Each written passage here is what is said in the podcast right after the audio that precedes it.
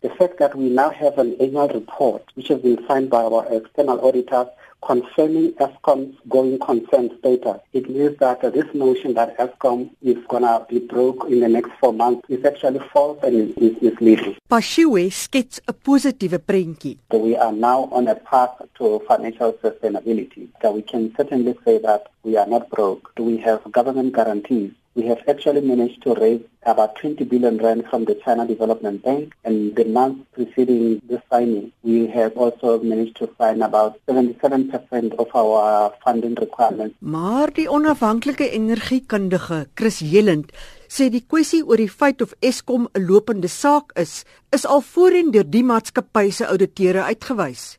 The previous time when this occurred, uh, the shareholder of Eskom was obliged to make an equity injection in the form of 23 uh, billion rand equity cash injection. The government sold shares in Vodacom in South Africa. 23 billion were then pumped into Eskom.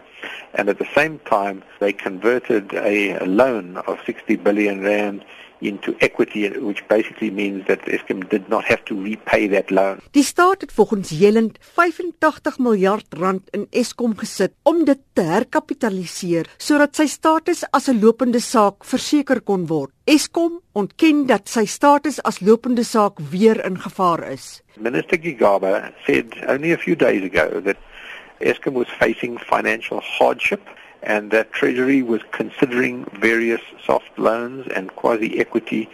So it would certainly seem that if Eskom is not technically been declared a going concern, then certainly Treasury have deep concerns about its financial position and that certain actions would be required pending a significant price increase by NERSA on the 1st of April next year. Pasiwe verklaar dat die verbetering in Eskom se inkomste onder meer as gevolg van meer besigheid in Afrika is. We have been selling a lot of electricity to Zimbabwe, Botswana, Namibia and elsewhere.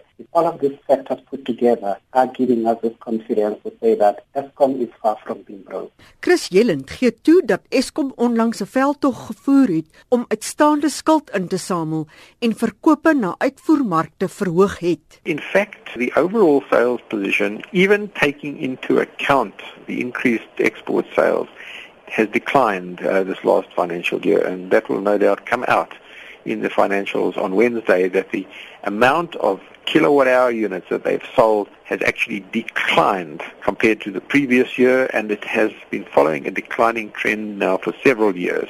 Maar Pashiwe hou vol dat syfers wat Eskom Woensdag bekend gaan maak aansienlik beter is. We will be showing that our EBITDA, which is a measure of profitability, has actually ballooned from about 28 billion rand that we had reported in 2014 and right now we have almost doubled it to nearly around 40 billion. Pashiwe se versekering van Eskom se finansiële gesondheid kom te midde berigte van buitensporige bonusse vir werknemers.